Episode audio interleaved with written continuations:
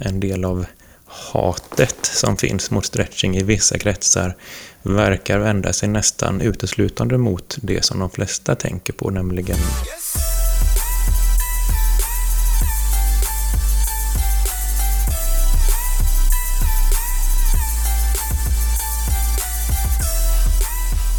Hej och välkomna till avsnitt nummer åtta av podcasten Träning och smärta. Jag som pratar heter David Josefsson och med mig i studion har jag Andreas Härdner Lennartsson. Hej Andreas! Hej David! Vi brukar gästas också av vår kollega Mattias Sachau. Eh, men även detta avsnitt har Mattias varit tvungen att ta en paus. Så det är jag och Andreas som kommer att prata idag. Och ämnet för det här avsnittet är något som många har berörts av, nämligen stretching. Vi har faktiskt haft lyssnarönskemål om det här ämnet och därför tar vi upp det idag. Mycket kommer gå att säga om stretching och rörlighet och mycket myter kommer att avlivas kring det här ämnet men innan vi sätter tänderna i det så vill jag som vanligt påminna om att ni gärna får följa eller prenumerera på podden och gärna lämna en femstjärnig recension så att vi åker högt upp på eh, sök och träffbarheten så vi får tillräckligt många lyssnare för att kunna fortsätta med det här. Så, vad säger du? Är stretching bra, Andreas? Jag tänker att stretching har eh, eh, kan vara bra för många. Men kanske inte alltid lika nödvändigt som eh, många tänker och tror. Nej, det finns ju lite spridda idéer där. Det verkar ju som att den kanske nu för den något äldre uppfattningen är att stretching är asbra, alltid för alla. Och så har det, upplever jag, börjat konkurreras ut lite grann av en nästan motsatt idé om att stretching funkar inte och är meningslöst och därför borde man strunta i det helt för alla, alltid. Frågan är var lyssnarna befinner sig på den här skalan eller om den här uppfattningen bara gäller oss som är i branschen så att säga. Det är ju det som är det svåra. Vi har ju... Dagens avsnitt är ju faktiskt baserat och det tyckte vi var jättekul. Utifrån lyssnarfrågor. Så det här är en lyssnarfråga. Han eh, ställde den lilla smala frågan då. Lär mig allt om stretching. Då får vi väl försöka tillmötesgå det. Eh, vi har många olika sådana här frågeställningar kring stretching som är just eh, vad händer när man stretchar? Hur fungerar det egentligen? Fungerar det överhuvudtaget? Ehm, är det då bra? Är det dåligt? Ehm, hjälper det mot alla de här sakerna som det kanske sägs göra? Ehm, och om det hjälper, då är ju frågan hur ska man stretcha? När ska man stretcha? Hur mycket? Hur hårt? Och sådär. Så vi får väl se hur långt vi kommer i det här. Men om vi börjar med att bara fundera över vad vi pratar om här så tror jag att alla är inte överens om begreppen. Till exempel så skulle man kunna säga att stretching är att man drar ut en muskel. Men då är frågan, behöver det vara en passiv muskel eller går det att till exempel göra en stor rörelse när man styrketränar och kallar det för stretching? Ja, och då är det så att i den vetenskapliga litteraturen så är all typ av träning där man använder sig av ytterlägen med målet att påverka rörlighet, det klassas som stretching. Och det finns massvis med olika ska säga, underbegrepp för det här då. Man pratar om passiv stretching och aktiv stretching, isometrisk stretching, dynamisk stretching, eh, ballistisk stretching, eh, spänn slappna av metoder och så vidare och så vidare. Medans eh, mycket av debatten kring stretching och eh, en del av hatet som finns mot stretching i vissa kretsar verkar vända sig nästan uteslutande mot det som de flesta tänker på, nämligen eh, passiv stretching, att man eh, håller en, eh, en led i ett ytterläge så att det sträcker i en muskel. Så ett sätt att komma undan det, det är ju att prata om begreppet rörlighetsträning, vilket då skulle kunna lite lättare innefatta all typ av träning där man försöker påverka rörelseförmågan, oavsett om man är aktiv eller passiv och spänner sig eller slappnar av eller det går fort eller långsamt och sådär. Ehm, och när jag pratar om stretching så brukar jag nog tänka att det är rörlighetsträning i den bemärkelsen och inte att det måste vara passiv eller isometrisk stretching för de som känner till begreppen. Så i det kontextet tror jag vi fortsätter den här diskussionen och sen så försöker vi specificera efterhand när vi menar en, en speciell typ av stretching eller när vi bara menar att man rör eller håller en led i ett ytterläge så att det drar. Och då är frågan såklart, är det här någon idé att göra? Och i så fall, eh, vad är det som händer när man gör det? Då kan vi säga att ja, det finns poänger med det. Det finns effekter att få från den typen av träning. Men det är långt ifrån så fantastiskt som många gurus vill hävda och som man kanske särskilt förr har trott att det är. Till exempel så är det många som har eh, fått lära sig att man kan stretcha för att förebygga träningsverk till exempel. Vilket implicerar att varje gång man har tränat någonting annat så borde man stretcha efteråt för att slippa få ont. Det är en sån sak som inte stämmer.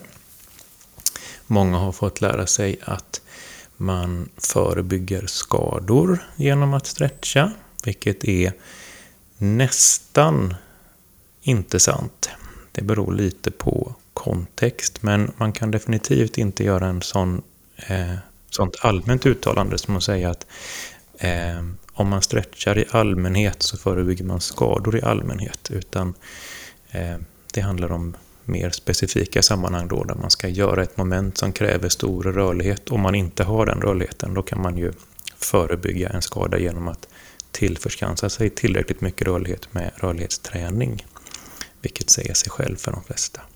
Men så att den skadebyggande effekten, skadeförebyggande effekten av stretchingen är väldigt begränsad. Det är också många som har fått lära sig att stretching är någon form av generell hälsokur med allmänna hälsoeffekter eller generell smärtkur som förebygger smärta i största allmänhet. Och det är inte heller sant.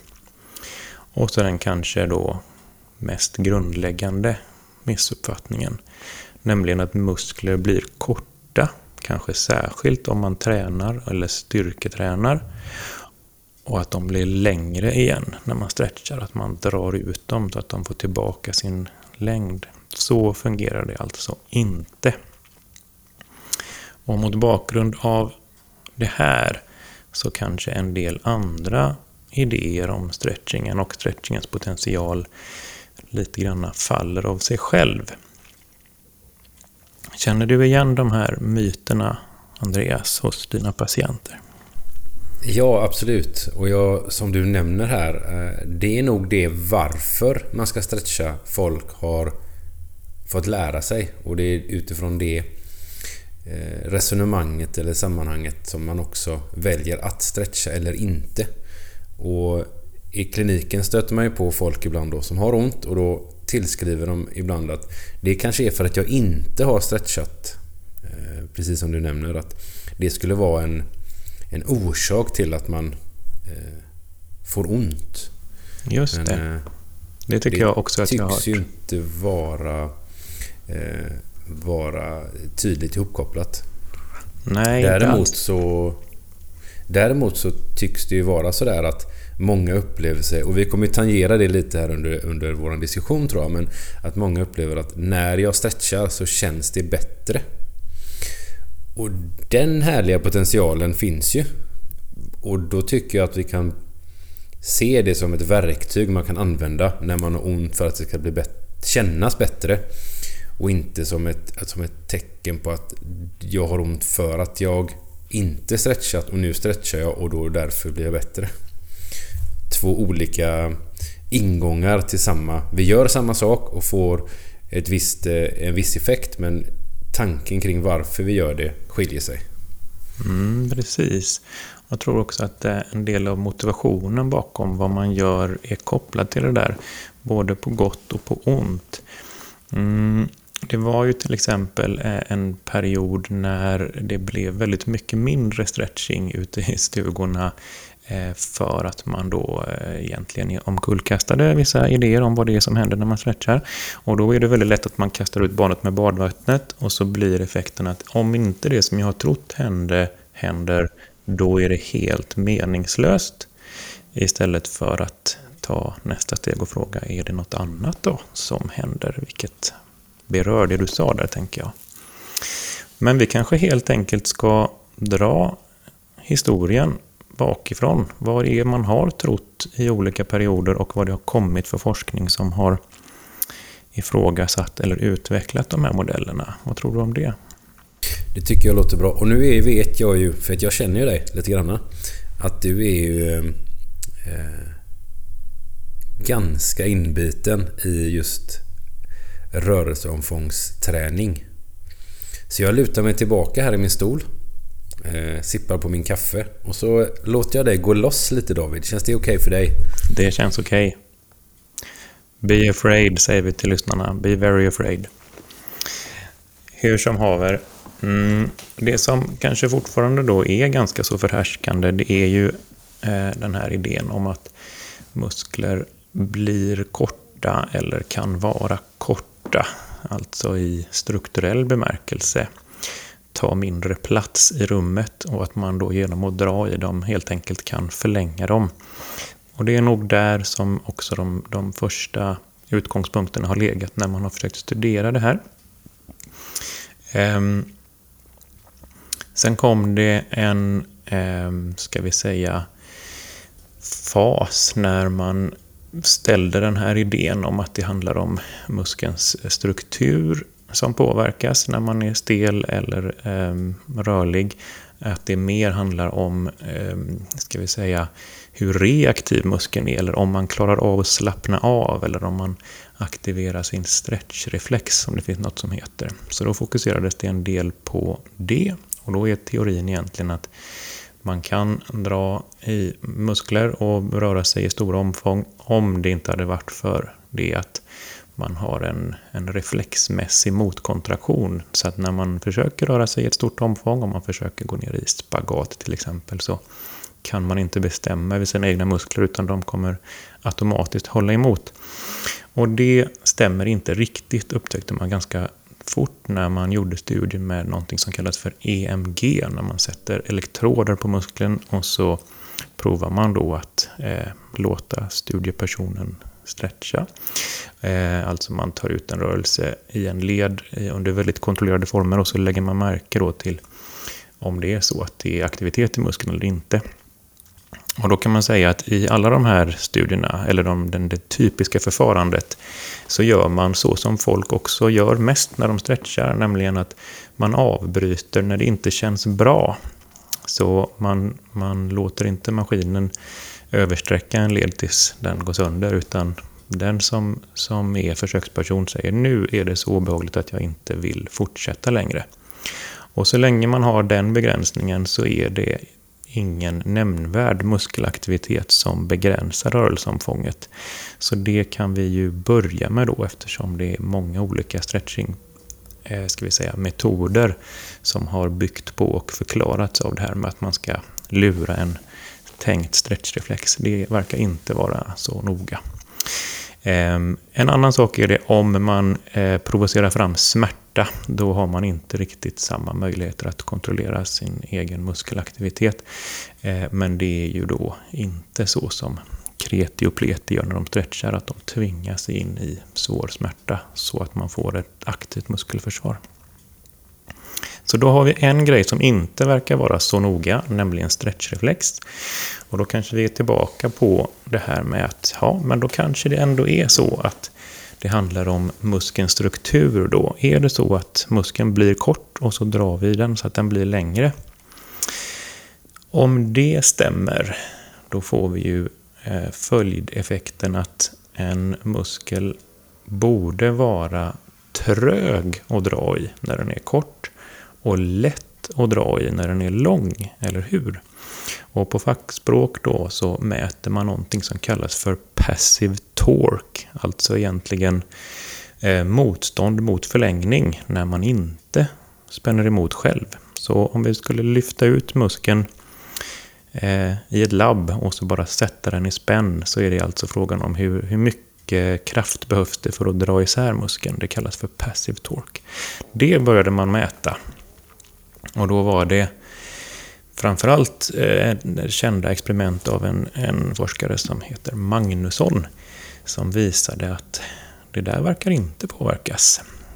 Så fast att man visste att folk blev rörligare, och det blev man även i Magnussons experiment, så påverkades inte det här med passive torque. Det vill säga, före och efter de här stretchingprotokollen så kunde man se att ledvinkeln ökade. Om vi då tänker oss framför oss en led som går att böja och sträcka olika mycket så kan man alltså se att när man har gjort sin, sin stretchingträning, oftast är det några veckor, 6-8 veckor man studerar, då märker man att efter de, den här perioden så får man en större ledvinkel. Det går helt enkelt att röra sig lite mer, eh, motsvarande att till exempel sjunka djupare ner i en spagat om det var det man försökte åstadkomma. Men det här motståndet mot stretchen har alltså inte förändrats på den här tiden. Det vill säga, det är lika trögt att dra i muskeln, men det går att göra det lite till. Och det ledde till en massa reaktioner eh, inom träningsvärlden.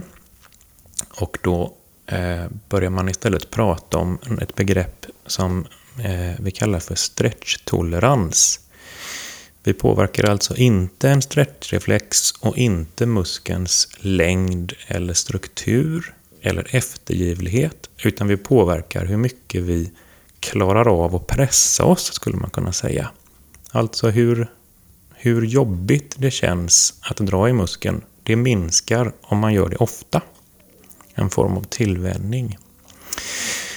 Och det här gäller än idag. Det står sig att det här är en viktig effekt av stretching, det man kallar för stretchtolerans. Men det har också fört med sig en del, kan i alla fall jag tycka, missförstånd eller missuppfattningar kring hur man ska tolka resultaten.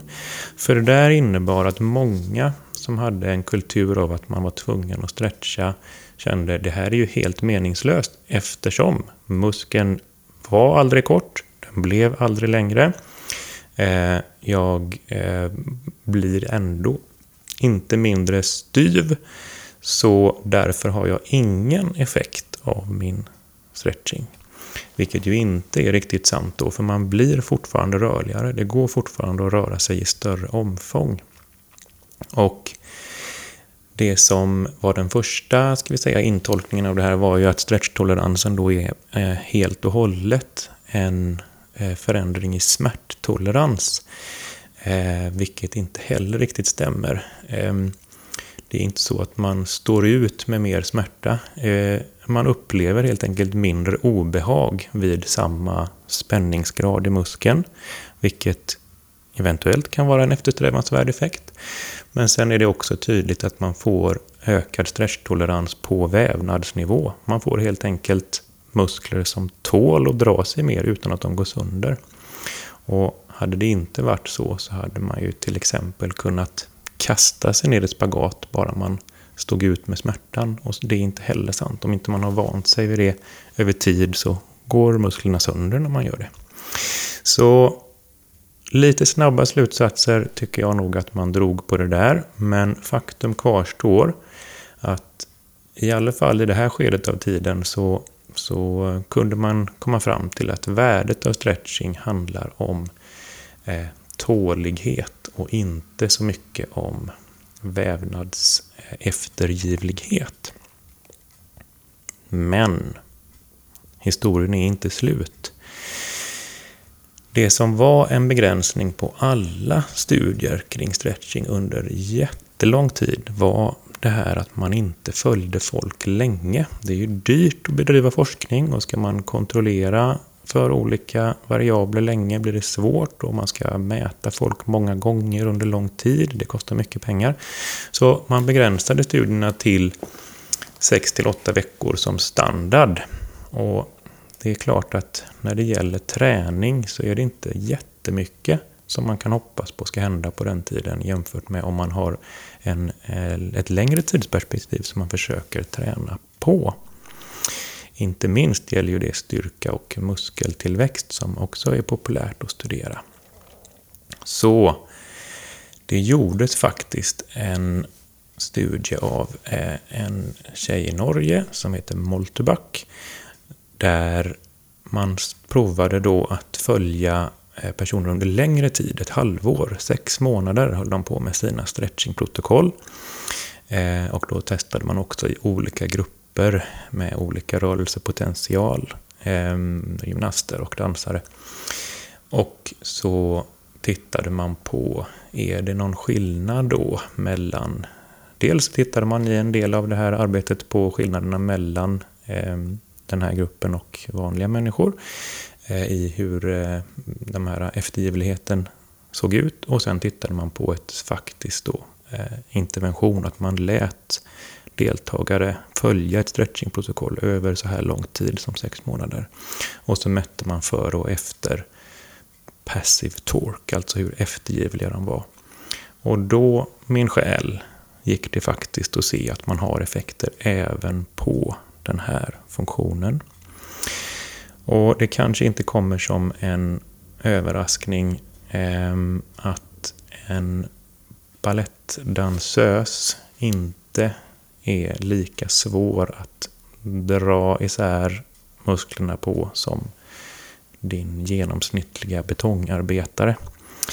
Eh, men det skulle för all del kunna handla om genetik, att vi har olika predisposition och att de som har eh, mindre styvhet då kanske söker sig till dans eller akrobatik och så vidare.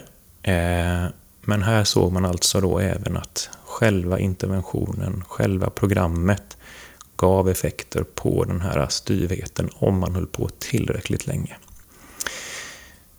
Det ska dock sägas att de effekterna är förhållandevis små. De är olika i olika leder, alltså det går att påverka det där olika mycket på olika platser.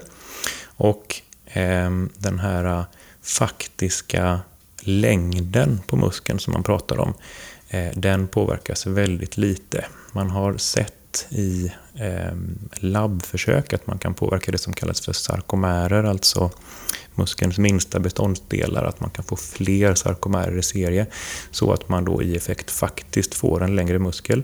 Men det är så försvinnande liten skillnad så att det är tveksamt om man egentligen ska prata om det som en effekt som är, är, är någonting som, man, som spelar roll för, för utslaget man får. Men däremot Eh, att man faktiskt får en lite större eftergivlighet, det är en sanning om man håller på länge. Så Ska man ha den typen av värde från rörlighetsträning så får man helt enkelt hänga i. Det uppnår man inte på några veckor. Och trots allt det här så behöver vi ändå landa i att de stora effekterna, de som verkligen gör skillnad på rörelseomfång, de handlar fortfarande om det vi kallar för stretchtolerans. Och det är inte så mycket konstigare än allting annat som man övar på, att man vänjer sig vid det man gör så brukar man röra sig i små omfång så får man uppleva ett ganska så starkt obehag om man försöker röra sig i ett större omfång. Men om man gör det gradvis över ett längre tid så upplever man ett mindre om, eh, obehag mot det och då upplever man sig som rörligare. Eh, och det är ju en ganska så god anledning till att syssla med rörlighetsträning. Att ha en stor komfortzon helt enkelt. Så om vi ska koka ihop allt det här så skulle man kunna säga att vi har robusta fysiologiska effekter från stretching och rörlighetsträning. men de handlar i första hand om anpassningar i nervsystemet. Och de handlar i första hand om effekter på just rörelseförmåga. Så alla andra effekter som man har påstått att stretching har, det vill säga träningsverkseffekter eller skadeförebyggande effekter och sådär. Det är inte en, en särskilt eh, intressant anledning att ägna sig åt stretching. Det är inte där vi har vinsterna. Utan frågan om ska jag stretcha eller inte handlar om vill jag bli rörligare eller inte i grund och botten. Vad tycker du om det här Andreas? Ja, men det är ju fantastiskt att få lyssna när du går loss sådär. Eh, jo, jag tycker det är relevant och då kan man ju dra parallellen till det här som någon utav myterna att, eh, att, eh, ja, men det här att det, att det förebygger skador. Att man har med till exempel att man snarare diskuterar det utifrån eh, behovet av rörlighet som du säger och efter en skada så kanske det snarare är så att man har förlorat rörlighet för att man inte har varit i det här omfånget som man tidigare har kunnat göra och då finns det ju en vinst att eh, minska eh, risken för att skada sig igen genom att faktiskt titta på vad ställer, vad ställer min vardag för krav på mig? Och utifrån, inte bara utifrån kondition och styrka utan också faktisk rörlighet. Jag brukar se det som en, en egenskap precis som eh, just styrka och kondition. Att behöver jag bli, vill jag bli rörligare eller behöver jag bli rörligare? Så kan man använda det utifrån det perspektivet. Just det. Jag tror att eh, mycket av eh, missförstånden och missuppfattningarna grundar sig i att man försöker göra någonting annat av den här egenskapen än man brukar göra när man pratar om fysiska egenskaper. Ehm, stretching om man förhåller sig till det som just träning av egenskapen rörlighet och att den följer samma ska vi säga, regler som träning för styrka eller kondition eller för den delen balans eller eh, motorisk inlärning så är det ju väldigt mycket samma ehm, regler som gäller. Man kan inte förvänta sig att man förändrar någonting plötsligt utan man behöver upprepa sin exponering över tid. Ehm, man kan förvänta sig att man vänjer sig vid just det man utsätter sig för. Så om man sysslar med rörelser i stora, stora rörelser så blir man bättre på att göra stora rörelser men man får inte helt andra sorters effekter. Ehm, och eh, när det gäller då eh, potensen, hur, hur mycket effekter kan man få, så är det ju samma sak där, att det beror på hur mycket man tränar. Och då kommer eh, alla sådana här andra variabler in som vi pratat om i tidigare avsnitt med hur hårt och hur länge och hur ofta och återhämtar man sig emellan och så vidare.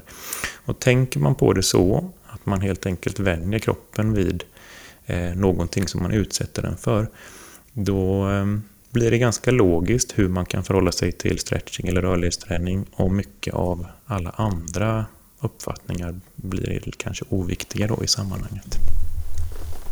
Eh, en liten intressant grej som du nämner där är ju återigen återhämtning. Och vi pratade lite om att det fanns eh, svinmycket olika typer av rörlighetsträning. Och då kan man tänka att många har den här statiska Eh, där vi går mot ett ändläge som känns obehagligt och så befinner vi oss där sådär lagom lite stretchjobbigt en stund. Och sen eh, slutar vi vara där. Och sen... Eh, det som kan vara intressant att resonera kring då, att det här med intensitet är att man kan ofta knuffa det lite tuffare. Men varför skulle man behöva återhämta sig efter stretching? Mm. Varför skulle man behöva återhämta sig ifrån någonting?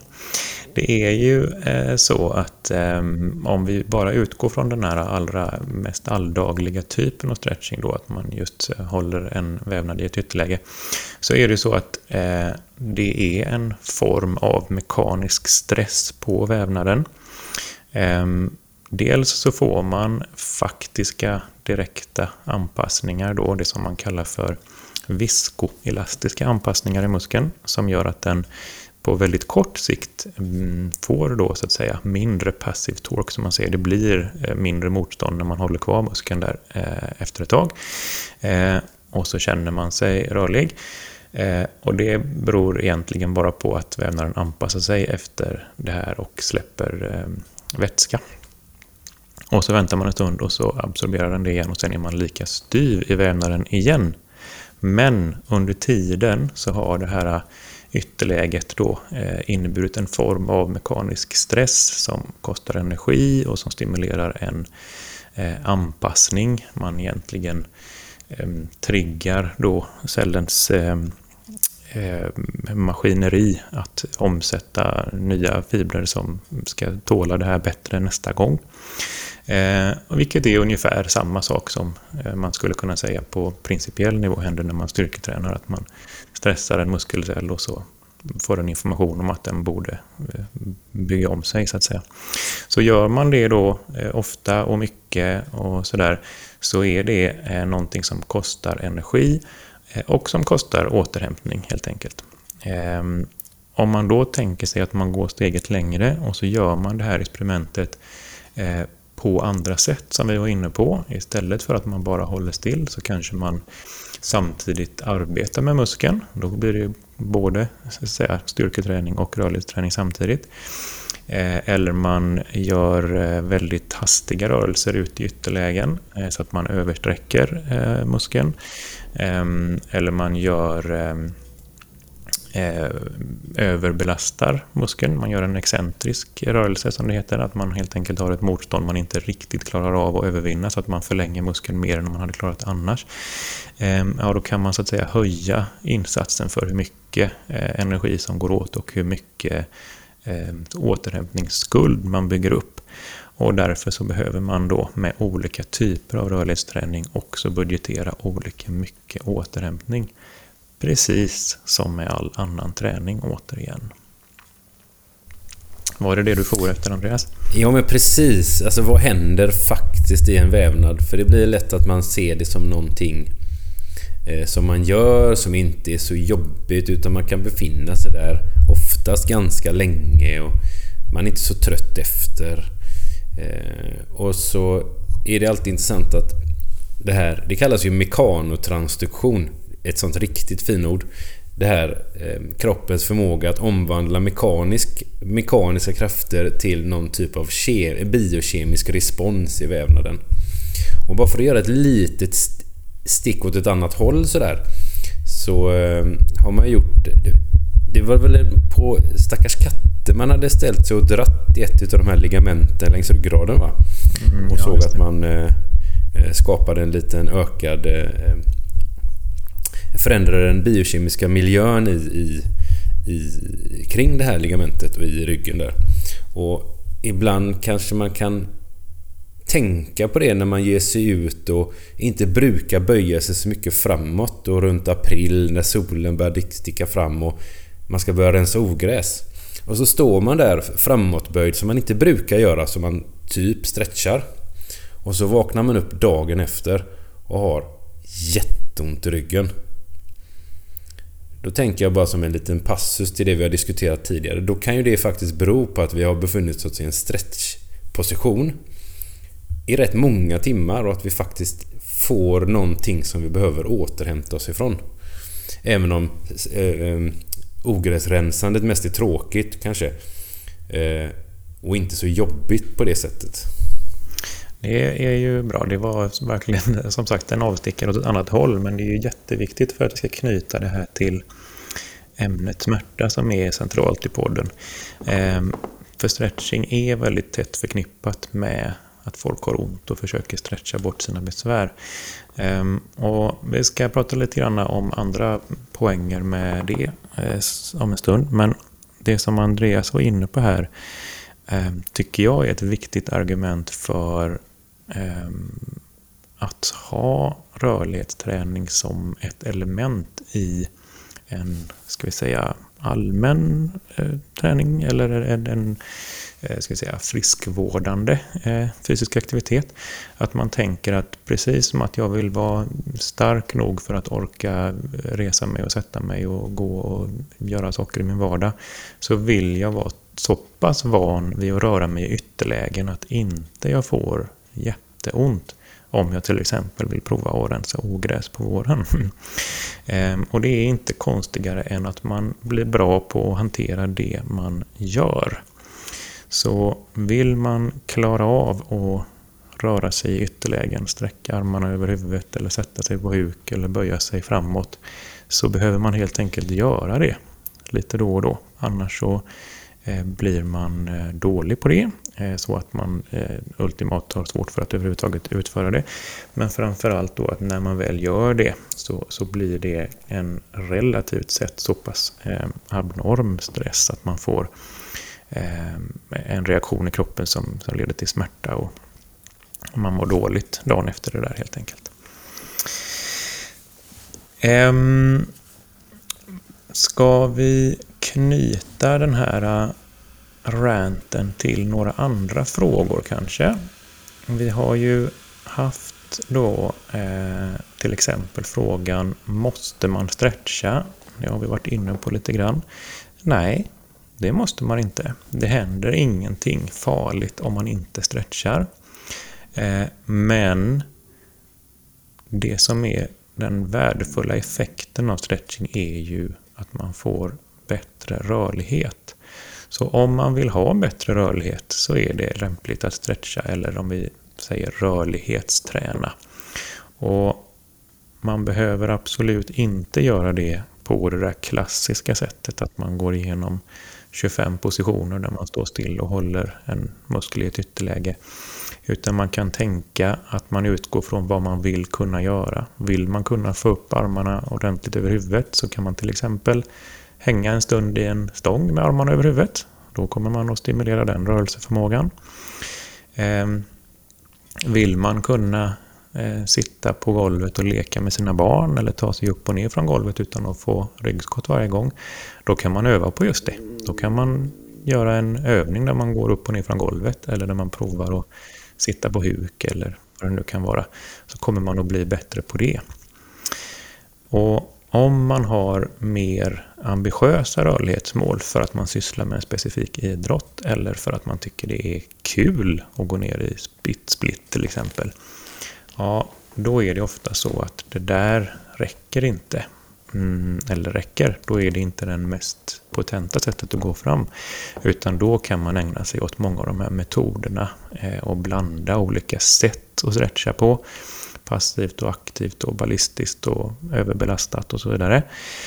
Ehm, men det är då vi kommer in i det som vi pratade om alldeles innan här med att då måste man också budgetera för återhämtning. Då måste man betrakta den träningen på precis samma sätt som man hade betraktat styrke och rörlighetsträning. Så snarare än att tänka att man gör sin vanliga träning, vad det nu än må vara, och sen kan man alltid också slänga in lite stretching på slutet, så som folk kanske oftare är vana att göra. Så får man helt enkelt tänka att man eh, planerar rörlighetsträning på samma sätt med mer intensiva pass eller dagar eller övningar omväxlat med mindre intensiva som kräver mindre återhämtning. Och då kan man säga att den, den sorten som ger mest resultat på kort tid är ofta ganska intensiv och ganska kostsam, precis som med annan träning, återigen. Och att den här äh, mer kända varianten med passiv eller statisk stretching, eh, vinsten med den är att det går att göra ganska mycket och så kostar det inte så mycket återhämtning. Så då kan man fylla på med det eh, om man vill få in mer volym i sin rörlighetsträning. Men om man bara har vanliga mål, man vill bara kunna göra vanliga saker som inte kräver extrem rörlighet, så som att gå ner i split eller spagat.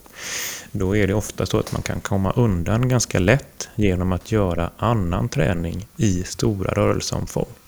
Om man övar på knäböj så gör man dem hela vägen ner med rumpan emot hälarna.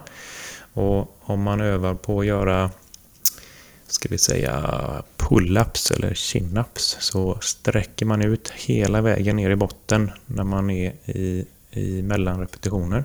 Och så får man automatiskt den här stimuleringen av hela stora rörelseomfång.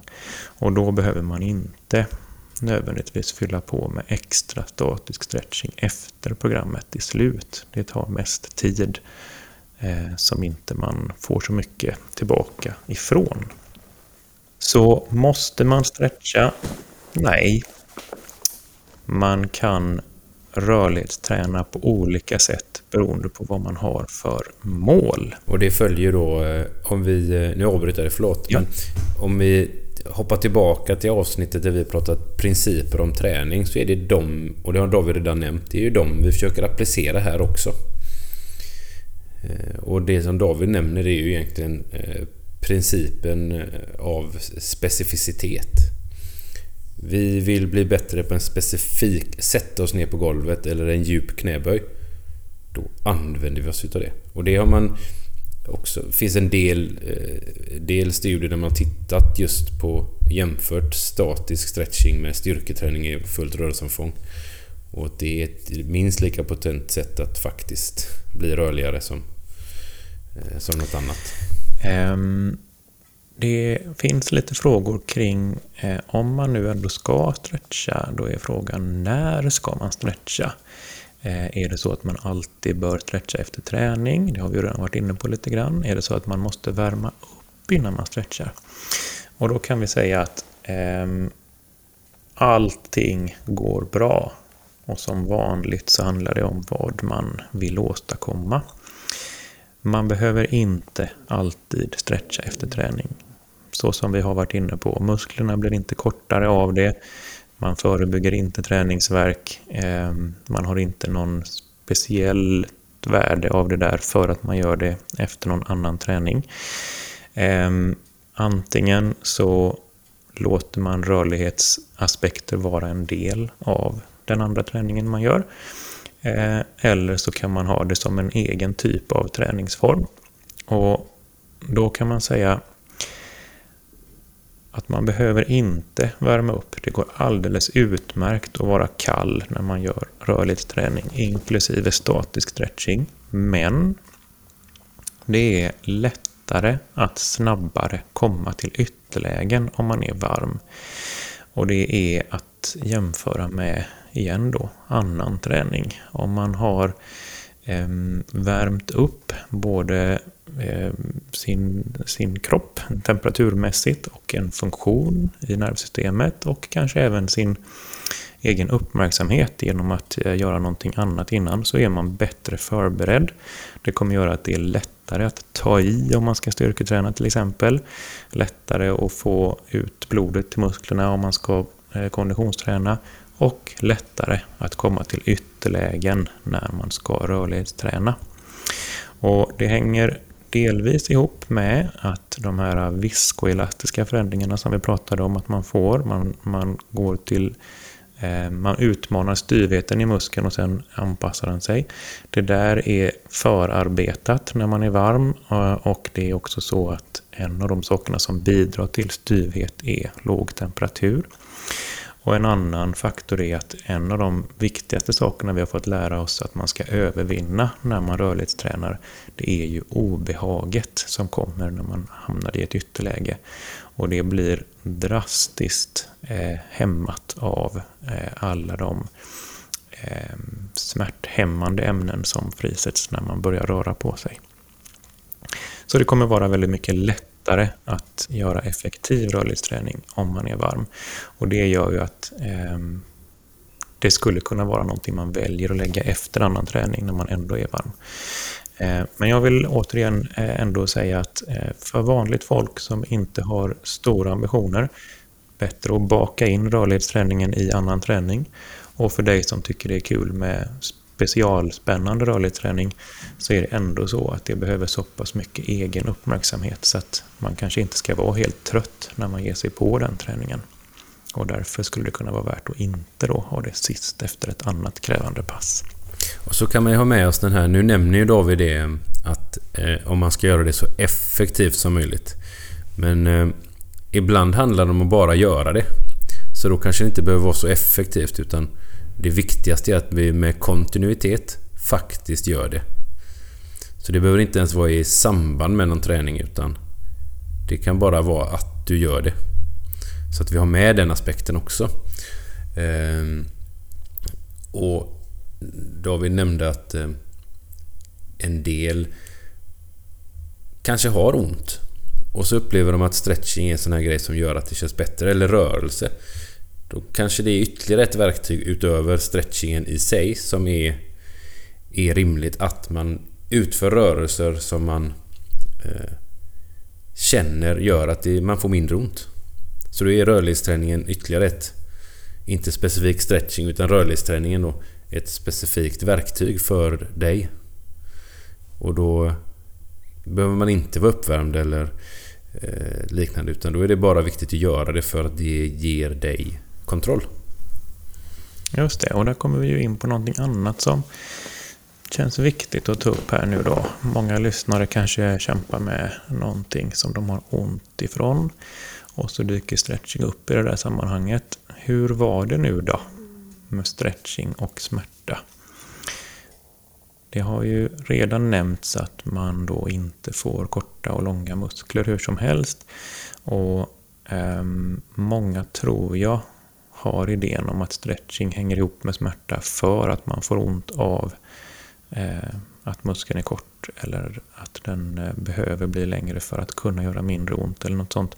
Så om det där då inte gäller så är det väldigt lätt att tänka att alltså är stretching inte relevant för smärta.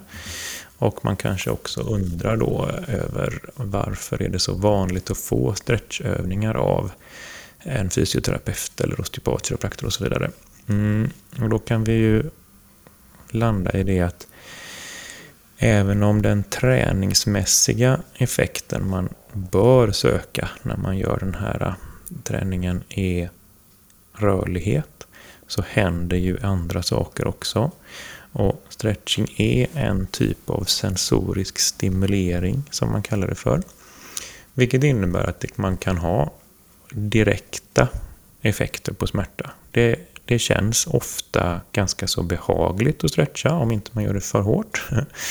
Eh, och om man har ont någonstans så kan det vara så att det gör mindre ont när man stretchar eller efter man har stretchat. Och på det viset så kan man använda sig av töjövningar som en form av självbehandlingsmetod. Ehm, och det är också så förstås att ehm, på längre sikt så skulle det kunna vara en del av ett, ett eh, rehabprogram att man försöker eh, återställa rörlighet som man har tappat under en period när man har varit skadad eller haft ont någonstans. Eh, och det kan också vara eh, en väg in i att hjälpa någon att få tillbaka normala rörelsevanor om man har, har undvikit någonting länge för att det har gjort ont och man kanske har dessutom varit lite orolig för att röra på ett område som har gjort ont och man har inte vågat belasta det fullt ut. Så kan en del i att få tillbaka funktion eh, därifrån och eh, minska smärta vara stretchövningar eller töjövningar helt enkelt. Eh, så det kan absolut fylla den typen av funktion. Men då behöver man inte tänka att det ska gå vägen om en strukturell förändring, att muskeln dras isär eller dras ut eller slutar vara för kort eller något sånt. Det är inte det som händer. Nej men det är så härligt. Ja, vi var inne på våra härliga lyssnarfrågor och så just det här varför, varför får man ibland stretchövningar att ta med sig hem eller eh, varför får man, blir man till och med behandlad med hjälp av stretchövningar? Och det finns som du nämnde, det finns ju massa olika varianter av eh, MET eller PNF eller CAT eller dynamisk stretching eller eh, Ibland sådär i kliniken så stöter man på folk som säger att jag är så himla stel, jag måste nog stretcha mer. Och så lägger de typ pannan i golvet eh, när de böjer sig framåt. Alltså ganska rörliga. Eh, vad skulle vi kunna skicka med den patienten? Eller den personen som upplever att man ofta känner sig Eh, jag kan, jag kan uppleva att, eh, om man nu ska kategorisera människor sådär, så att, eh, att ofta är det en, en person som gärna håller på med någon typ av rörelse, rörelseomfångskrävande aktivitet. Och så känner de sig stela. Och så fortsätter de att stretcha mer för att bli mindre mindre stel. Fast det snarare inte ger den här effekten riktigt längre. Hur skulle man kunna tänka? Vad skulle vi kunna skicka med dem för någon liten sån mm. nugget eller? Jag tror att eh, vi kommer in på någonting annat där som är en väldigt värdefull eh, sak att förstå tror jag.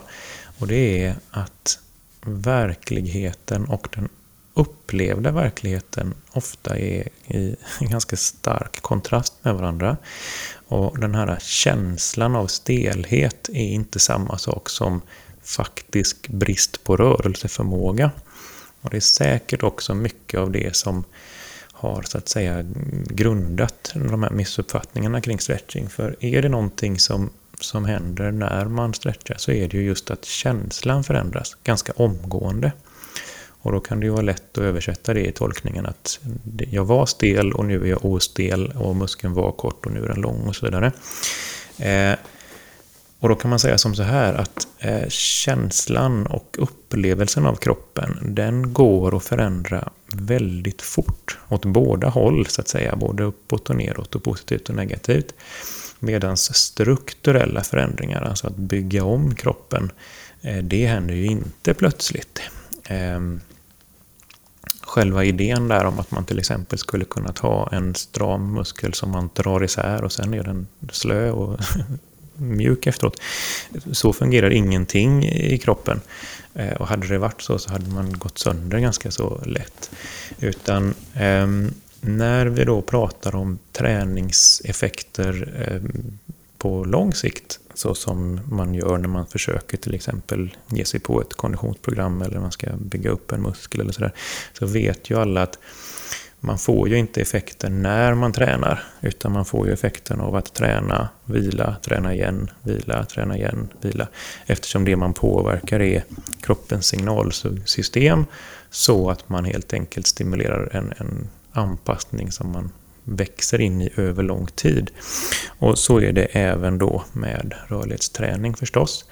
Men utöver de här lång, långsamma anpassningarna där man helt enkelt eh, bygger om kroppen så är det ju så att man har supersnabba, hastiga anpassningar på eh, stimulering av olika slag. Eh, och det är eh, inte konstigare än att när man börjar gå upp för en backe så plötsligt så höjer man eh, pulsen för att kunna transportera syre fortare till blodet. Eh, så det finns alltid de här två, ska vi säga, eh, långsamma och snabba anpassningssystemen. Ehm, där eh, en av de grejerna som händer när man då rörlighetstränar det är att man väldigt fort får en annan upplevelse av kroppen. Och utmanar man ett ytterläge så är det först eh, obekvämt och sen så väldigt fort så känns det bättre och mer bekvämt att vara i den där positionen. Men den obekväma känslan, det som vi kanske kallar för stelhet då, den korrelerar inte alls med hur mycket det går att röra i en led.